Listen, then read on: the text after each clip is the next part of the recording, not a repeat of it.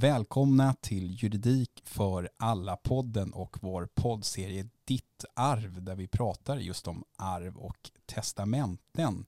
Det här är andra avsnittet i den poddserien och har du inte lyssnat på det första avsnittet så tycker jag att du ska gå tillbaka och lyssna på det innan du lyssnar på det här. Där pratade vi nämligen om de ganska grundläggande frågorna som vem som egentligen ärver vem, vad är en arvsklass, vad är bodelning och liknande. Så gå gärna tillbaka och lyssna på den innan du börjar lyssna på den här delen. Jag heter William Eriksson och programleder det här samtalet. Med mig har jag min tidigare kollega och sidekick Stefan Wahlberg. Välkommen. Tack, tack. Vi har också med oss, precis som i avsnitt ett, chefsjuristen på företaget Låli, Kristin Håkansson. Varmt välkommen till dig. Tackar, tackar. När vi avslutade avsnitt ett så ställde jag en fråga till dig som du tyckte vi skulle låta hänga kvar till det här avsnittet. Och det var egentligen hur skriver man ett testamente? Vad är ett testamente? Måste man förvara det på något visst sätt? Finns det några krav för hur man ska skriva det? Jag tror jag frågade dig, kan jag skriva det på en pappersservett till exempel? Kan du kort förklara för den som lyssnar hur ett testamente ska se ut? Ja, men om, om vi börjar i den änden och förklarar vad ett testamente egentligen är så är det ju en personlig rättshandling som man upprättar för att frångå den legala arvsordningen och helt enkelt bestämma vad som ska hända med de tillgångar som man äger den dagen man går bort eller efter den dagen man har gått bort. Just det, och den legala arvsordningen som du hänvisar till, det pratade vi också om i första avsnittet. Det innebär att skriver man i ett testamente så bestämmer staten vem som ska ärva. Helt korrekt. Okej, så då betyder det, kan jag skriva mitt testamente på pappersservett? Jag ger mig inte med den frågan.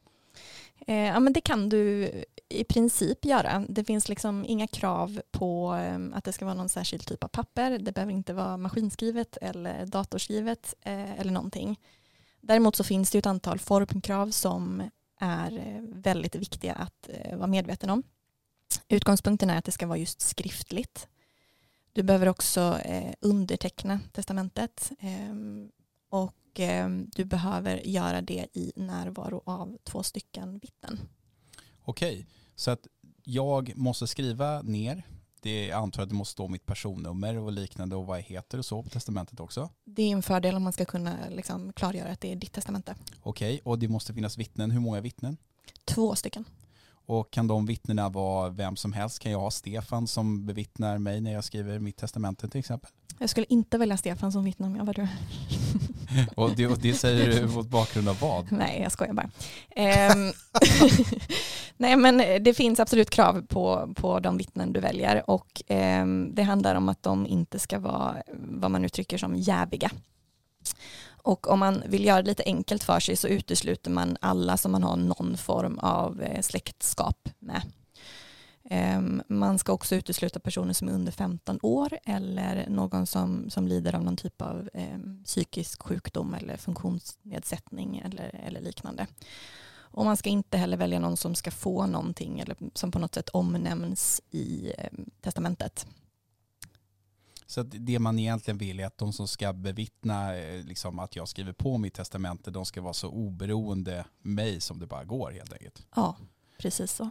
De ska vara vittnen som, som, som i princip skulle kunna avlägga en ed i domstol och får avlägga ed där och inte på något sätt kunna göras då, kopplas till dig som att de har oedliga avsikter. Men en annan sak som är viktig att påpeka är att de behöver inte läsa och se testamentet men de måste veta att det är ett testamente som de bevittnar. Men de behöver så att säga inte läsa vad som står där eller förstå innebörden ens men det måste då vara kunskap kring att nu bevittnar jag testamentet och de ska vara samtidigt närvarande. Om, om, om jag inte minns fel, Kristin? Ja, nej, men det är helt korrekt och det upplever jag en ganska vanlig eh, fråga som, som, som man får eller som vi får att måste jag berätta för de här vittnena liksom, vem som ska ärva vad och vad jag skrivit i mitt testamente och det behöver man inte göra. Man kan, eh, brukar jag säga, i princip lägga liksom ett vitt papper över texten på testamentet så att bara liksom själva eh, Eh, heter det, linjerna för där man ska skriva under eh, syns. Eh, och sen behöver man vara tydlig med att, att det är ett testamente som vittnena bevittnar. Men, men man behöver inte redogöra någonting för innehållet. Och precis som du säger eh, Stefan så är det superviktigt att vittnena är samtidigt närvarande i samma rum eh, när man som då testator som det kallas, den som upprättar testamentet, skriver under testamentet. Och det är ehm, ett direkt krav. Så att uppfyller man inte det ehm, då ehm, kan testamentet förklaras ogiltigt på den grunden. Så man kan säga så här, eh, en inte så dum idé vore kanske att gå och plinga på hos grannen då om man har två grannar som bor där och säga, hej skulle ni vilja bevittna mitt testamente och så kan de göra det och skriva under och så. Men jag kan inte lägga den i deras brevlåda och åka till jobbet och så skriver de på och sen så lägger de den i min brevlåda och så får jag det tillbaka när jag kommer hem från jobbet. Nej, det, det är korrekt. Och du kan inte heller gå in till den ena grannen och, och gå in med ditt testamente och säga titta här är mitt testamente, här har jag skrivit under, kan du bevittna det? Och så gör den personen det och sen går man till den andra grannen och så säger man här är mitt testamente och här har den här granne eh, bevittnat, kan du också göra det? Eh, det finns till och med rättsfall som där, där det var som så att man befann sig på en arbetsplats eh, där det var två stycken kontor med en typ glasvägg emellan och en öppen dörr. Eh, och där gick man in eh, liksom på ena sidan glasväggen och fick eh, testamentet bevittnat och sen gick man in på andra sidan glasväggen genom den öppna dörren och alla såg liksom som hände och allting. Eh, men det godkändes inte som eh, en, en korrekt bevittning. Så det gäller att vara noga med det där. Det vill säga i dessa digitala tider så ska man inte heller försöka använda Zoom eller Teams eller någonting i den stilen. För det är icke att i, i, i lagens mening vara samtidigt närvarande. Va? Okej, så då vet vi liksom vilka krav som finns för att man ska liksom upprätta det här testamentet. Men om man då liksom inte är färdig med sitt testamente, man sitter och tänker att det kanske vore bra trots allt att ha ett testamente. Vad ska man tänka på när man skriver testamentet? Finns det någonting man ska akta sig för? Finns det någonting som är extra viktigt att ha med? Alltså ge oss Kristin the basics av testamente. Ehm, ja, men man ska tänka på att man ska vara över 18 år. Man ska tänka på att man ska vara frisk och kry själv ehm, och inte ha några eh, psykiska åkommor som gör att man inte riktigt förstår vad man håller på med. Man ska också göra det helt eh, frivilligt, ehm, inte liksom låta sig bli, bli tvingad eller påverkad av eh, något girigt barn eller liknande eller vad det kan vara. Och Sen så skulle jag vilja säga att eh, det kanske absolut viktigaste är att, att vara så tydlig som det bara går. Det är väldigt lätt att förutsätta att så här, nej, men de vet hur jag vill ha det och det här kommer de förstå och så vidare. Men det man kanske inte tänker på då det är att den dagen som det här testamentet ska verkställas så eh, finns man inte själv i livet. Man kommer inte kunna förklara vad man menade eller tänkte med något ord eller någon, någon formulering utan där gäller det att vara, vara så tydlig det bara går och det är väl där eh, som det kan finnas många fördelar med att blanda in en sån som mig, det vill säga en jurist i sammanhanget så att man får de här eh, juridiskt korrekta men också tydliga formuleringarna där man i den absoluta mån det går minimerar risken för missförstånd eller feltolkningar. Och det här är verkligen, verkligen, verkligen inte bara en juridisk eh, fråga utan det finns ingenting tror jag som kan skapa så stora familjekonflikter och släktfejder som otydliga testamenten eller eh, brist på testamenten eller diskussioner som i efterhand ens ges möjlighet att uppkomma kring frågor av typen att jag vet nog vad mamma vill eller vi vet alla vad, vad, vad moster Agda egentligen vill och så vidare. Det ska vara tydligt. Va? Det tror jag är, är, är jätteviktigt att i all enkelhet att understryka. Att lämna inga tvetydaktigheter i ett testamente. Okej, ni båda trycker på att det ska vara tydligt. Ni båda trycker på att man inte kan förutsätta att de efterlevande ska veta hur man vill ha det och så vidare. Men om man då sitter nu med det här själva testamentet, även om man har hjälp av en jurist och så där, så finns det ganska många begrepp som kanske kommer skrivas ner i det här testamentet som kan vara bra att veta vad de betyder. Ett sånt är ju kvarlåtenskap. Det är ett väldigt krångligt ord tycker jag. Kan du Kristin på ett enkelt sätt berätta vad det betyder? Vad är kvarlåtenskap för något? Man skulle väl kunna ersätta det med arvet helt enkelt. Ehm, det är ett samlingsbegrepp för all den egendom som ska ärvas. Det vill säga det kan vara pengar, det kan vara alltså en lampa eller det kan vara en bil eller vad som helst. Allt sånt är kvarlåtenskap helt enkelt. Ja, precis. All den egendom som, som liksom, när man har ehm, kommit till den punkten eh, ska fördelas mellan arvingarna på något vis utgör kvarlåtenskapen. Det kan vara en krona och det kan vara tio miljoner. Mm. Okej, det är ett begrepp. Giftorättsgods är också ett sånt här begrepp som ofta dyker upp när man läser en tidningsartikel eller en bok eller någonting som handlar om ett testamente. Vad är det då för någonting? Egentligen så eh, har det inte så mycket med arv att göra utan det har ju att göra med steget innan arvet, det vill säga en bodelning. Eh, och för att vara mer specifik, en bodelning mellan makar. Och giftorättsgodset det är en klassificering av egendom eh, Ehm, som får till följd att den här egendomen ska, eller värdet av den här egendomen ska inkluderas i en bodelning mellan två makar. Förenkla det för mig Stefan, du som är länken mellan mig, mannen på gatan och experten Kristin. Alltså kvarlåtenskap, eh, var det det vi pratade om? Nej, det var giftorättsgods. Nu var det pratade om. giftorättsgods. Förlåt mig. Giftorättsgods är alltså två makar är gifta. Eh, De äger vad de äger under sitt äktenskap. Men den dagen som en av dem dör, eller för den delen en skilsmässa, eh, ska, ska förrättas, men i det här fallet eh, en person som dör, då läggs allt som båda två äger i en och samma stora säck oavsett om en av makarna äger en miljon och den andra äger en krona. Och då är, är den här stora säcken därefter föremål för, för en bodelning. Det vill säga hälften av säckens innehåll eh, tillfaller, då, eller tillfaller ägs av dödsboet och den andra av den överlevande maken. Mm. Där kan vi väl förtydliga dock det som jag upplever en, en, en eh, vanlig missuppfattning att det handlar inte om ägande utan i den här säcken så är det ju värdet av den samlade egendomen, inte egendomen i sig. Och sen är det värdet, hälften av värdet av det som finns i den här säcken som tillfaller, tillfaller vardera make. Och det här är då i motsats till, alltså giftorättsgodset är då i motsats, motsatsen till enskilt, eh, enskild egendom. Bra Kristin. Stefan, det var Ja. precis det jag skulle bolla vidare till Kristin. För om vi har den här säcken då som är det här giftorättsgodset som är är hälften av de här eh, makarna. Den enskilda egendom kan ju vara någonting som man äger helt själv trots att du och jag är gifta då, om vi tar det som ett exempel. Berätta vad enskild egendom är. Ja, alltså för att klargöra det då, så att giftorättsgods kan också vara enskilt eller är ofta enskilt ägd. Så att det handlar inte om att eh, Eh, allt som giftorättsgods ägs av makarna gemensamt eller att man på något sätt sa, ja, nu är det giftorättsgods, då, då äger ni hälften var. Utan vardera make äger det de äger ehm, och den här klassificeringen då som giftorättsgods respektive enskild egendom, det är bara en klassificering som styr om värdet av den här egendomen ska ingå i en bodelning eller inte. Det, det påverkar inte ägandet. Men enskild egendom då är eh, på motsatt vis egendom som hålls utanför, eller värdet av den enskilda egendomen hålls utanför eh, en bodelning. Så att säga att eh, vi har två stycken eh, makar. Vi kan kalla dem, eh, vad ska vi kalla dem? Kalle och-. Kalle och. Nej men eh, Martin och, och eh, Oskar kallar vi dem. Eh, Martin äger eh, en bil och sen har han 100 000 eh, kronor på banken. Och eh, jag kommer inte ihåg vad den andra skulle heta, men, men den andra maken har i alla fall eh, en båt och eh, 200 000 kronor på, på banken.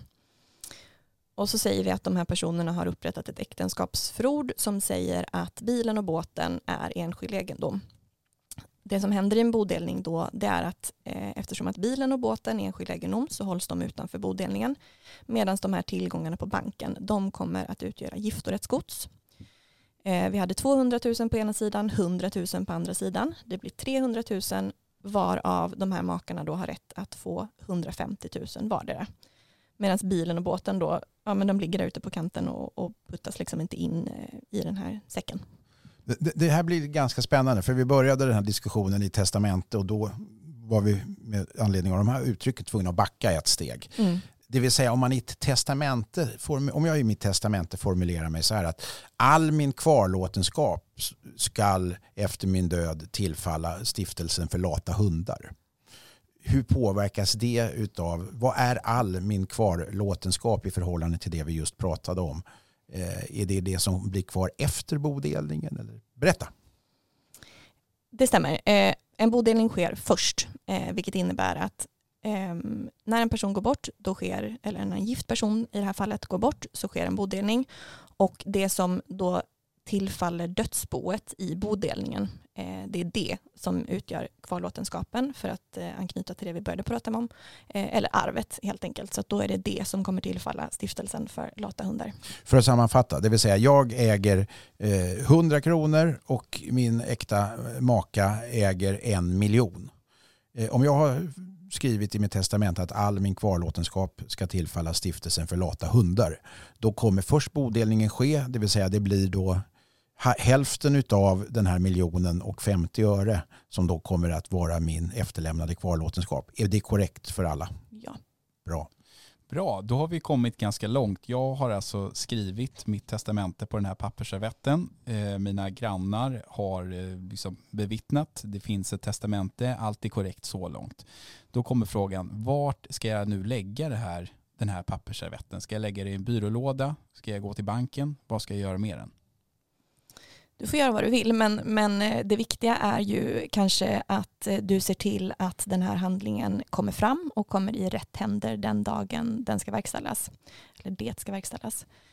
Um, och därav så är det väl um, en bra idé att eh, antingen använda någon av de tjänster som, som finns på marknaden för just testamenteförvaring, där vi bland annat erbjuder en sån på Låly. Eh, men man kan såklart också eh, till exempel lägga det i ett bankfack om man, om man har ett sånt, eller i någon form av brandsäkert skåp där hemma. Det man inte bör göra är kanske att, bara lägga det någonstans bland en miljon andra papper i hemmet med risk för att det inte upphittas helt enkelt. Eh, det finns ingen som, som kanske vet eh, att det finns där och i så fall vart det finns.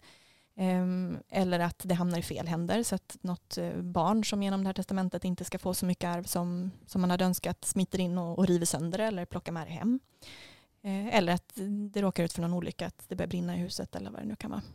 Får jag fråga, alltså det här är en lite märklig omständighet, det är ju närmast en lagstiftningsfråga, men när det gäller till exempel äktenskapsförord, då är det lag på att det ska finnas registrerat hos, hos en viss myndighet. Men när det gäller testamente i Sverige, ja, då finns det ingen lag alls som säger hur man ska förvara det. Och då kan man tänka att efter en skilsmässa, då, om man har ett äktenskapsförord, då är det ändå så att de bägge parter faktiskt, faktiskt eh, lever normalt. Va? Men i, själva idén med testamente är ju att den som har upprättat testamentet, alltså testatorn, inte lever. Och då kan man inte i efterhand fråga var la du det testamentet? Eller är det verkligen det här det senaste testamentet? Vore det inte lämpligt att man faktiskt i lag skrev att just ett testamente ska registreras hos en myndighet?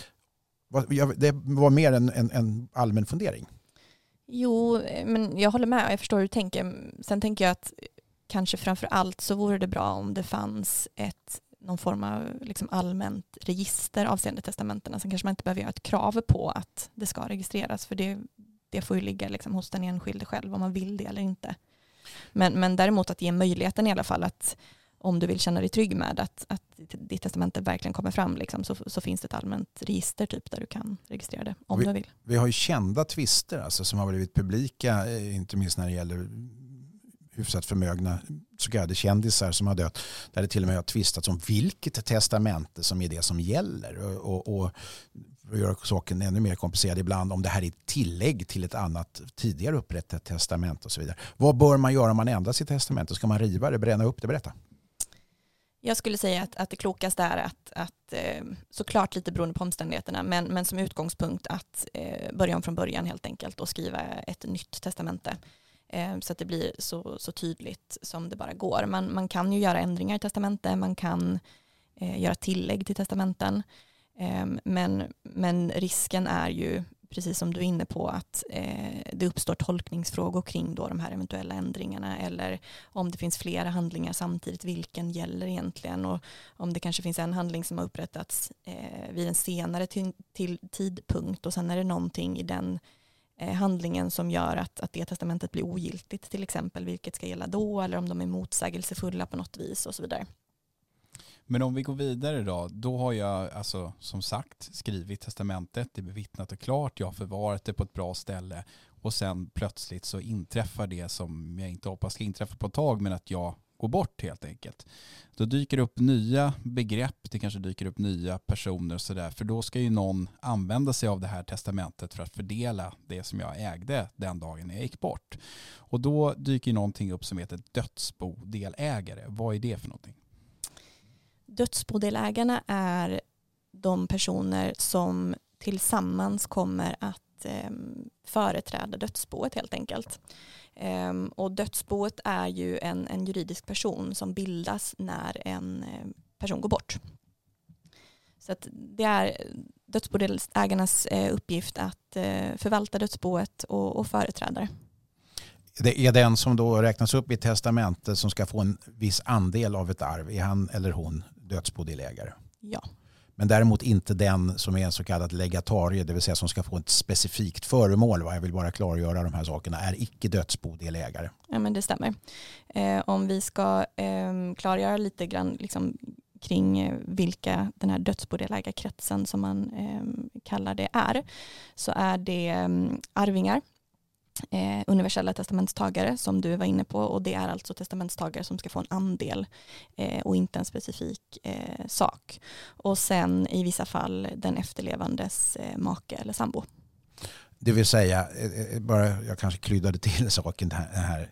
Eh, det vill säga om jag skriver att hälften av min kvarlåtenskap ska tillfalla stiftelsen för lata hundar.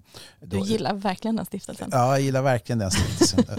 då, då, då, då är, är Stiftelsen för lata hundar dödsbodelägare för de ska få en andel av det jag lämnar efter mig oavsett om det är 20 miljoner eller 50 kronor. Men om jag däremot skriver att Stiftelsen för lata hundar ska ärva min gamla moraklocka då är de så kallad legatarie, det vill säga då är de icke dödsbodelägare utan ska få ett specifikt föremål. Ja, det stämmer.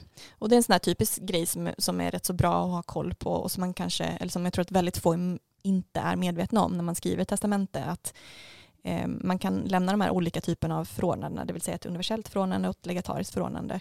Och sen tänker man att det inte är mer med det, men det får ju också konsekvenser, till exempel i form av att man blir dödsbodelägare eller inte dödsbodelägare i och, det här fallet. Och legaten, alltså de specifika sakerna, i det här fallet moraklockan som ska till stiftelsen för lata hundar, den, eller värdet av den åtminstone, om det nu är kontanta medel, den avräknas alltid först. Va? Det vill säga om jag har testamenterat bort 100 000 i, i, i kontanta medel till en viss då legatarie som det heter och det inte finns kvar eh, mer efter det, då, då kommer de övriga inte att, att, att, att, få någonting om det då inte är så att det finns möjlighet att ställa krav på till exempel sin, sin, laglott som vi pratade om i det förra avsnittet. Ja men det stämmer. Eh, legatariska förordnanden de, de går före. Eh, och ska man bli ännu mer specifik så går legatariska sakförordnanden, det vill säga saklegat, eh, före så kallade penninglegat. Moraklocka, pengar, därefter universella eh, arvtagare. Yep. Och, och, när jag har gått bort då, hur ska de som är mina då dödsbodelägare få reda på eller veta att de är dödsbodelägare? Hur, hur vet man om det är någon man inte står jättenära som man trots, ändå, trots allt ändå ska ärva? Vem är det som berättar det för mig att jag är dödsbodelägare till exempel? När någon dör ska det ju ske en bouppteckning och den ska, om jag inte minns fel, göras senast tre månader efter dödsfallet. Och lagen är lite luddig där för den säger att den som, den som är bouppgivare, heter det så? Ja. Det är den som så att säga ska inom citationstecken ansvara för att det här sker på ett snyggt och prydligt sätt eh, ska se till. Och det är den som har boet i sin närhet eller har hand om boet eh, tror jag det står i lagen. Ja, eller bäst kännedom typ. Ja. Sådär. Och normalt faller det sig ganska naturligt i de flesta fallen så vitt jag känner till eftersom det ofta är bröstarvingar och så. Men det, frågan är i högsta grad relevant därför att ibland finns det kanske inte någon som känner till att jag har ett arv att hämta. Så att den frågan är lite knepig. Ja, så att, men man kan åtminstone som utgångspunkt tänka att någon kommer att höra av sig och säga att du kommer att få ärva här och eh, du kommer att få ärva si och så mycket, eller? Det sker ju vid, vid ett eh, bouppteckningsmöte. Intressant Kristin, berätta. Alltså man samlar alla som har rätt att ärva en viss person som eh, ska bjudas in till en viss sammankomst där man berättar vad som gäller. De... Ja, dödsbodelägarna ska ju kallas till eh, bouppteckningsförrättningen. Okej, så man behöver inte vara orolig för att gå miste om ett arv, så att säga, om man har rätt till det. Nej, så länge man liksom inte är någon, någon eh, hemlig person på något vis så, ehm, och saker och ting går rätt till ska vi säga, så, så kan man utgå från det. Och bouppgivaren undertecknar på heder och samvete att han eller hon har gjort vad som utifrån bästa förmåga kan ankomma för att eh, ange och uppge allting korrekt. Okej, bra. Vi har identifierat alla de här dödsbodelägarna och så och det finns ett eller två begrepp till som vi bör ta innan vi har liksom avhandlat hela den här testamentes eh, saken här och då har jag en fråga. Man kan då få eh, fri förfoganderätt eller full äganderätt på en, en viss summa eller ett arv. Kan du berätta vad det innebär Kristin? Ja, det har ju att göra med eh, liksom det materiella innehållet i testamentet i så fall. Att man kan, precis som att vi pratade om att man kan eh, skriva in legatariska förordnanden och universella förordnanden eh, som innebär att man äger olika delar eller olika saker så kan man eh, skriva in att en person ska ärva med full äganderätt eller med fri förfoganderätt. Vad är skillnaden mellan de två då? Ja, men, eh, utgångspunkten kan man väl ändå säga är att man ärver saker och ting med full äganderätt. Eh, det här med fri förfoganderätt är något ganska unikt eh, för Sverige och ehm, det finns eh, en hel del röster som är rätt kritiska mot det därför att det tenderar att göra saker och ting ganska mycket krångligare än vad det kanske behöver vara. Men det förekommer, ehm, eller det har sitt ursprung i eh, lagens bestämmelse om eh, makar som ärver varandra framför gemensamma barn. Och sen så har det här liksom utvecklats vidare på, visa, på olika sätt så att det kan användas i förhållande till sambor och egentligen så kan det användas i förhållande till vem som helst i testamentet till exempel. Men, men det, det är därifrån det har sin kärna och innebörden då är att när man ärver med fri förfoganderätt eh, så uppstår det vad som kallas för ett efterarv. Eh, så att man ärver eh, egendomen och man äger den under sin eh, livstid. Man kan göra i princip vad man vill med den. Man kan eh, konsumera upp den, man kan ehm, i, i ganska stor mån ge bort den eller liksom, ja, använda den ehm, som, som vem som helst. Men när man då själv går bort och man har ärvt någonting med fri förfoganderätt så uppstår det ett efterarv för den först avlidna, ofta då makens efterarvingar. Och det klassiska fallet är eh, att det är två stycken gifta personer, alltså två stycken makar, som har gemensamma barn. Och den ena maken går bort, ehm, den efterlevande maken ärver den första avlidna med fri förfoganderätt. Vilket innebär då att de gemensamma barnen får ingenting när den första maken går bort. Men sen när den andra maken går bort, då får barnen sitt arv efter båda sina föräldrar. Så att då får man hela sitt arv från den som dör sist. Men man får också det här efterarvet då från eh, den första avlidna föräldern. Och det är inte kopplat till någon specifik egendom så det handlar inte om att mamma ärvde liksom, tvn, bilen och hundratusen från pappa med fri förfoganderätt och sen är det de specifika tillgångarna som tillfaller barnen eh, när mamman går bort. Utan eh, det är en andel av den sist avlidna makens kvarlåtenskap som genom efterarv tillfaller barnen. Vare sig den har eliminerats eller, eller fördubblats genom till exempel placeringar på börsen och så vidare. Ja, precis. Det är en andel i den liksom, egendomsmassan som finns när den sist avlidna föräldern går bort.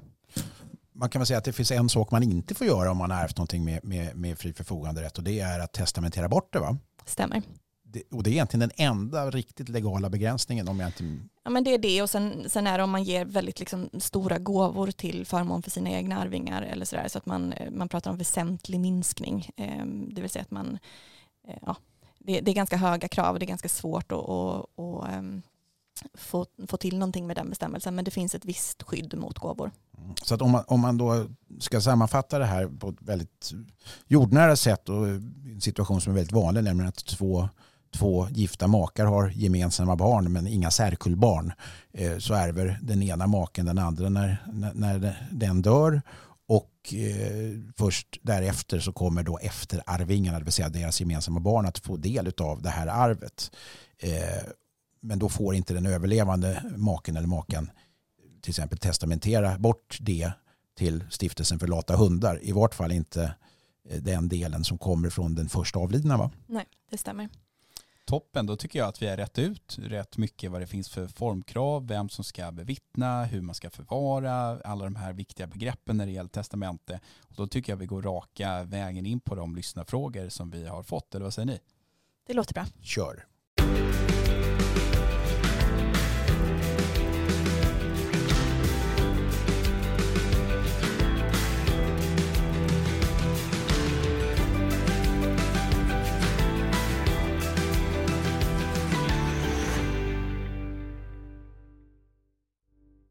Vi tar den första. Hej, jag har en dotter som, tyvärr inte, som jag tyvärr inte har någon kontakt med idag och som jag därför inte vill lämna mitt arv till.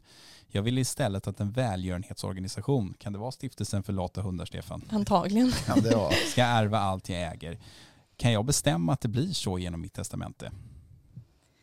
Ja, men där är svaret både, både ja och nej. Ehm, man kan absolut upprätta testamente till förmån för en eh, välgörenhetsorganisation och man kan skriva i testamentet att den här organisationen ska eh, ärva allt. Ehm, men ehm, anledningen till att jag sa både ja och nej det är ju eftersom att den här dottern oaktat vad som står i testamentet kommer att kunna kräva att få sin eh, laglott. Så mot hennes vilja kommer man inte att kunna testamentera allt till eh, den här organisationen. Men om hon går med på det så går det alldeles utmärkt. Är det här någonting som är, är det en vanlig fråga som kommer till er på Låli, den här typen av frågor? Ja, men det finns en hel del, eh, eller folk har en hel del huvudbry kring det här med, med laglotten upplever jag och jag upplever också att man eh, inte riktigt uppfattar den här distinktionen mellan vad man faktiskt kan skriva i ett testamente och vad som gäller Ehm, om man drar det till sin yttersta spets, det vill säga att barnen inte godkänner eller att de liksom gör, gör uppror eller ja, eh, inte går med på det man vill, inte respekterar ens önskan. Ehm, det, det, är lätt att tolka det som att så här, jag kan ju inte testamentera allt till den här organisationen för barnen ska få sitt laglott. Men som sagt, det hindrar inte från att skriva ett sådant testamente. Så förenklat kan man säga att det går väldigt bra så länge ingen vänder sig emot det som egentligen har rätt att ärva sin del av det helt enkelt. Ja, och med någon så, så avses bara eh, bröst, alltså barn egentligen, barn och barnbarn. Ingen annan kan liksom ha något att säga om det. Okej, Stefan har du några tillägg där? Nej, inte annat än att det är samma sak med detta som med allt annat. Det ska vara väldigt tydligt vad, vad, vad som avses i de här sammanhangen. Jag har konkret sett tvister där så kallade välgörenhetsorganisationer slåss ganska hårt för att eh, få rätt emot till exempel eh, bröstarvingar eh, när det har varit otydligheter i testamentet som kan tolkas i, olika riktningar. Så att var tydlig även där och är man det minsta minsta osäker gå till en jurist. Och jag kan väl lägga till att det kan också vara klokt att kontrollera med den organisation som man faktiskt tänker att man vill testamentera till för att se vad de har för eventuella rutiner. Det finns ju lite olika, framförallt beroende på hur stora organisationerna är och vad de har för rutiner och så vidare. Um, om de kan liksom, till exempel bara ta emot en summa pengar eller om de faktiskt kan ta liksom, emot mer eller mindre ett helt dödsbo och, och förvalta det och, och avveckla tillgångar och så vidare. Och det kan också vara bra att tänka på vad man har för typ av tillgångar själv. Så att man tänker lite praktiskt. Liksom, Okej, den dagen jag går bort och den här organisationen faktiskt är ensamarvinge, hur kommer det rent praktiskt att eh, kunna gå till? Och sen att det är en organisation. Alltså nu vet vi ju att stora organisationer som Frälsningsarmén eller Röda Korset så verkligen existerar. Det, det, kan man ju med visshet säga. Men stiftelsen för lata hundar är ju bara något Eh, fånigt som jag har hittat på här för, för det här samtalets eh, skull. Va? Och, och, du menar att man inte ska skriva in dem som nej, testamentstagare? Ja, precis, för finns de inte så finns de inte. Och det kan ju vara så att man tror att någonting heter någonting specifikt för att man har hört någon annan som har pratat om det och då måste man göra klart för sig, är det här en organisation som finns verkligen? Annars kan det bli stora problem. Ja, men och såklart vara noga med att man, man skriver namnet på, på ett korrekt sätt och organisationsnummer och sådana grejer så att det inte uppstår några frågor kring vilken organisation man avser. Vi kommer tillbaka till tydligheten hela tiden. Eh, vi ska hoppa lite i frågelådan här tänker jag. Det här är en intressant fråga. Jag skulle vilja testamentera ett dyrbart smycke till min syster, men däremot vill jag inte att hennes barn ska få det här smycket när hon dör, utan att det då ska hamna hos mitt vuxna barnbarn. Är det här någonting man kan lösa med testamentet? Ja, men det kan man absolut göra. Ehm, precis som vi var inne på innan så, så finns det olika typer av förordnanden och ett av dem som finns tillgängliga är så kallade legatariska förordnanden. Och det innebär helt enkelt att man förordnar om att en viss sak eller en viss summa pengar ska tillfalla en viss person. Ehm, så att hon kan bestämma här att, att det här smycket ska tillfalla eh, systern var det va? Mm. Ehm, sen hade hon ju en extra liten knorr på det där och det var att hon inte bara ville att systern skulle få det här smycket utan att det sen, hon ville också bestämma liksom i nästa steg när systern går bort vad som ska hända då. Ehm, och det man kan säga om det, det är ju att man kan inte liksom testamentera generellt i, liksom, åt någon annan i, i två led, eller man ska säga, utan utgångspunkten är ju då att den här systern själv får testamentera liksom, avseende sina tillgångar. Och det är klart att man kan ha en dialog då med systern och säga att liksom, eh, ja, helt enkelt prata med henne och, och framföra en önskan om att det är min önskan att du upprättar testamente där, där det här liksom, smycket tillfaller den här personen. Men eh, sen finns det också någonting som heter så kallat successivt legat. Eh, och det eh, innebär helt enkelt att man bestämmer att en viss tillgång ska tillfalla en person och sen när den personen går bort så ska det tillfalla ytterligare en annan person. Stefan, du har varit inne mycket på det här med tydligheten. En liksom så här generell fråga. Tror du att eh, folk är för dåliga på att prata om sådana här saker? Att man bara hoppas att det ska lösas genom ett testamente? Kristin säger här, det är väl bara att säga då att jag skulle gärna att det här smycket, när du väl går bort, hamnar hos mitt barnbarn. Skulle man kunna undvika mycket av de här missförstånden genom att bara liksom prata om det? Är folk för, för rädda för att ta tag i sina testamenten och, och liksom är rädda för framtiden och tycker det är obehagligt? Eller vad tror du? Jag tror folk tycker att det är obehagligt att prata om döden överhuvudtaget och i Sverige mm. så har vi en väldigt Eh, ska vi kalla det för, restriktiv hållning till att ens eh, gå i de riktningarna diskussioner om det inte är väldigt, väldigt nära och kära anhöriga man pratar med. Va? Men även där kan det vara både tabubelagt och, och svårt därför att eh, begreppet är ju till sin natur existentiellt och eh, testamentesfrågor och, och ärvdabalken och andra juridiska Eh, företeelse i de här sammanhangen är ju direkt avhängigt av att vi faktiskt alla en dag ska dö. Även om, om vi kanske inte varje dag sitter och tänker på hur det ska ske och när det ska ske och så. Men vi vet att vi alla en dag ska dö. Och om vi inte vill att staten och lagen ska bestämma hur det jag äger idag då ska fördelas så måste man ta tag i de här frågorna. och, och, och för att svara konkret på din fråga. Nej, jag tycker inte man ska lita på att det allmänna familje eller släktsnacket är att vi alla vet hur det ska vara. Därför att tydlighet, tydlighet, tydlighet, det är liksom mitt riktmärke i det här sammanhanget. Och jag har uppmanat och närmast tvinga får man inte göra, men jag har, jag har fått ganska många människor i min närhet, både bekanta, vänner och sådär, och faktiskt upprättat testamentet till slut. Där inte minst eh, Eh, när saker och ting har ställts på sin spets, bland annat inför en, en ganska komplicerad operation som en, en god vän till mig skulle genomgå. Då, då, ringde han till slut och så sa han, det här vill jag prata om i många år. Så, där. så att, absolut, ja, tydlighet och att verkligen se till att det blir gjort. Men med det sagt, jag får lägga till där att visst är det så att man, man ehm, man ska inte lita på att, liksom så här, ja, men det där, att man snackar lite och sen är frågan löst. Men däremot så tror jag absolut att det finns en poäng i att prata mer om de här frågorna Alltså det ena behöver inte utesluta det andra. Man kan upprätta ett testamente som är tydligt och korrekt och så vidare. Men man kan också eh, prata med folk för att så här, dels avdramatisera men också för att liksom, eh, kanske minska risken för att eh, det uppstår tvister och så vidare om, så här, ja, men om det är frågor som man, man har eh, Ehm, pratat om. Alltså ibland behöver man kanske inte göra det krångligare än vad det är heller. Vi har en annan fråga här som, som eh, låter som att den skulle kunna vara en grogrund för en tvist. Det, det handlar om en eh, person som har en dotter som tyvärr är gift med en missbrukare och den här personen vill då skriva ett testamente som gör att dottern ska få allt men att den här missbrukande mannen inte ska kunna komma åt det här arvet om de skulle skilja sig eller om dottern skulle dö. Hon skriver då och frågar hur ska hon skriva? Hon förutsätter att det finns en möjlighet att, att lösa det här problemet. Nummer ett, finns den möjligheten? Och nummer två, om ja, hur ska hon skriva? Ja, ehm, den här frågan tangerar ju lite grann det som, som vi pratade om precis. Och, och det första är ju då att man kan upprätta testamente för sin egen skull, men man kan ju inte bestämma vad någon annan i sin tur ska göra med, med sin kvarlåtenskap eller sitt arv. Eh, så där är väl en, en rimlig ingång att kanske prata med dottern och be henne att upprätta ett, ett eh, testamente helt enkelt. Eh, men det man också kan säga det är att eh, dels så finns ju den här möjligheten till successiva legat som vi pratade om. Eh, och dels eh, så kan det ju också vara klokt att eh, be dottern att upprätta ett ehm, äktenskapsförord eh, där hon gör sin ehm, egendom till enskild egendom så att den inte hamnar i en bodelning med eh, den här mannen. Man, man, kanske till och med i testamentet från eh, mamman, är det väl här, eh, skulle kunna skriva in att, ja, men just det, det är klart. Att, att, hon kan även att hon testamenterar bort hela sin kvarlåtenskap som enskild egendom till dottern och då kommer inte den här missbrukande mannen åt det vid en bodelning till exempel vid en skilsmässa. Va? Är ja. så? Jo, absolut.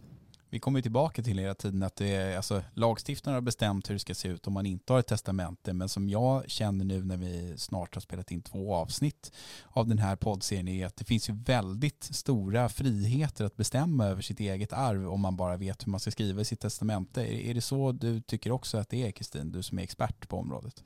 Ja, men det håller jag helt med om. Det var kort och koncist. Ja. Det är så enkelt alltså. Punkt. Ja. ja, men det är bra för jag tycker nu har vi kommit ganska långt. Eh, vi har haft, eh, liksom, diskuterat hur man ska skriva testamentet, vad som händer när personen som har skrivit testamentet går bort. Vi har tagit upp en del lyssnarfrågor som rör ganska komplicerade familjeförhållanden som skulle kunna vara grogrunder till stora tvister. Är det någonting som ni två skulle vilja tillägga innan vi avrundar och eh, bollar upp för nästa avsnitt här? Ja, alltså test, alltså, egentligen, det, det blir lätt så när man sitter och pratar så här eh, runt ett bord. Eh, det låter många gånger, vi har använt krångliga ord här som legatarie och successivt legat och, och, och, så vidare.